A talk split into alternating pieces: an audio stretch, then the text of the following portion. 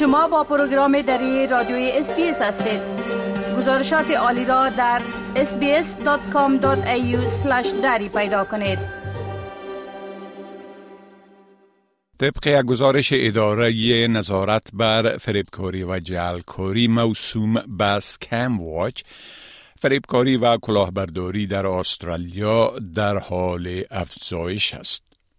در گزارش گفته شده که شیوه های را که کلاهبرداران به خاطر دزدی معلومات شخصی به منظور سوی استفاده از آن و همچنان دزدی پول مردم به کار می‌برند به صورت عموم از طریق فرستادن یک ایمیل جعلی حاوی یک بدافزار می باشد.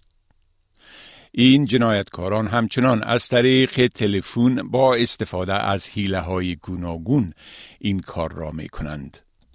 در گزارش سکم واچ آمده است که شیوه های دیگر آنها استفاده از تکست تلفن موبایل می باشد. ادارات مختلف دولتی و شرکت های خصوصی با توسل به اقدامات گوناگون تلاش می کنند مردم و مشتریان شرکت ها را از جلکاران محافظت کنند. اطلاعات تازه نشر شده از جانب تلستا نشان می دهد که این شرکت مخابراتی در ده ماه گذشته تا پایان ماه اکتبر ماهانه از رسیدن صدها میلیون ایمیل ناخواسته و فریبکارانه به حسابات ایمیل مردم جلوگیری کرده است. نرل دیواین مدیر ارشد تلس را برای امنیت اطلاعاتی در آسیا و پسیفیک می گوید که این بدان معناست که مقدار بسیار کمی از ایمیل های ناخواسته به مشتریان می رسد. Telstra is blocking over three hundred and thirty-two million incoming scam and unwanted emails every month, which is over a third, 38% of all inbound email to Big Pond accounts. That's the equivalent of blocking over 7,600 emails each and every minute, which means less scam and unwanted emails reaching you.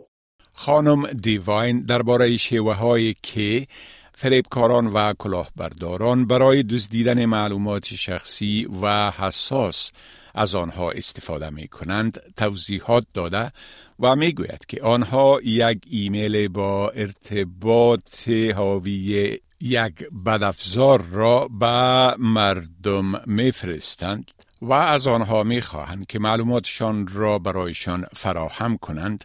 یا بر رابطه یا لینک کلیک کنند.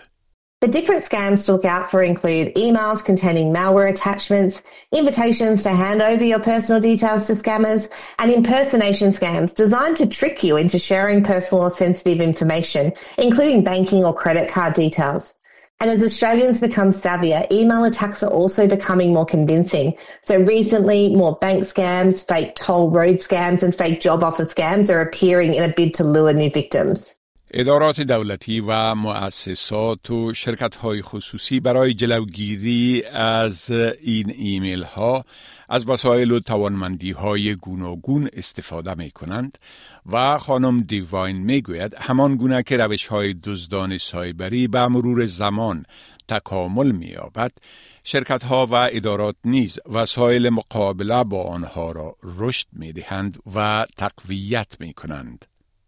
We're responding to increasing cyber scams using a complex capability that is constantly evolving. In simple terms, we're applying knowledge of what the scam and unwanted emails look like to block them at the network level. We have automatic machine scanning, which picks out suspicious content such as malicious links, attachments, and other characteristics which really allow us to block at scale.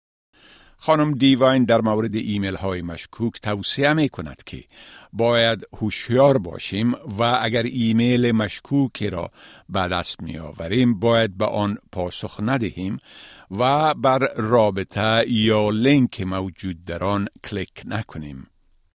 It is so important to be vigilant. So if you do spot a suspicious email, just remember don't reply to the email or open the link. Pay close attention to the sender's email address and any links that don't look right.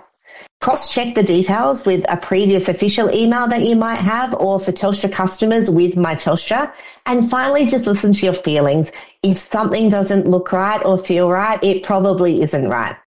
همچنان توصیه می شود که اگر ایمیل یا تکستی می گیرید که می گوید از یک مرجع رسمی یا خصوصی که شما با آن سر و کار دارید فرستاده شده و معلومات شخصی یا معلومات لاگان یا پسوردتان را می طلبد این کار را نکنید. همچنان با ایمیل های بدون آدرس یا با آدرس عمومی به دیده شک بنگرید. در نهایت فقط به قلب خود گوش کنید اگر چیزی در ایمیل اشتباه به نظر می رسد یا اشتباهات مانند غلطی تایپی در متن ایمیل موجود باشد یا حاوی درخواست غیر منتظره برای معلومات باشد آن را دوبار و سه بار بررسی کنید.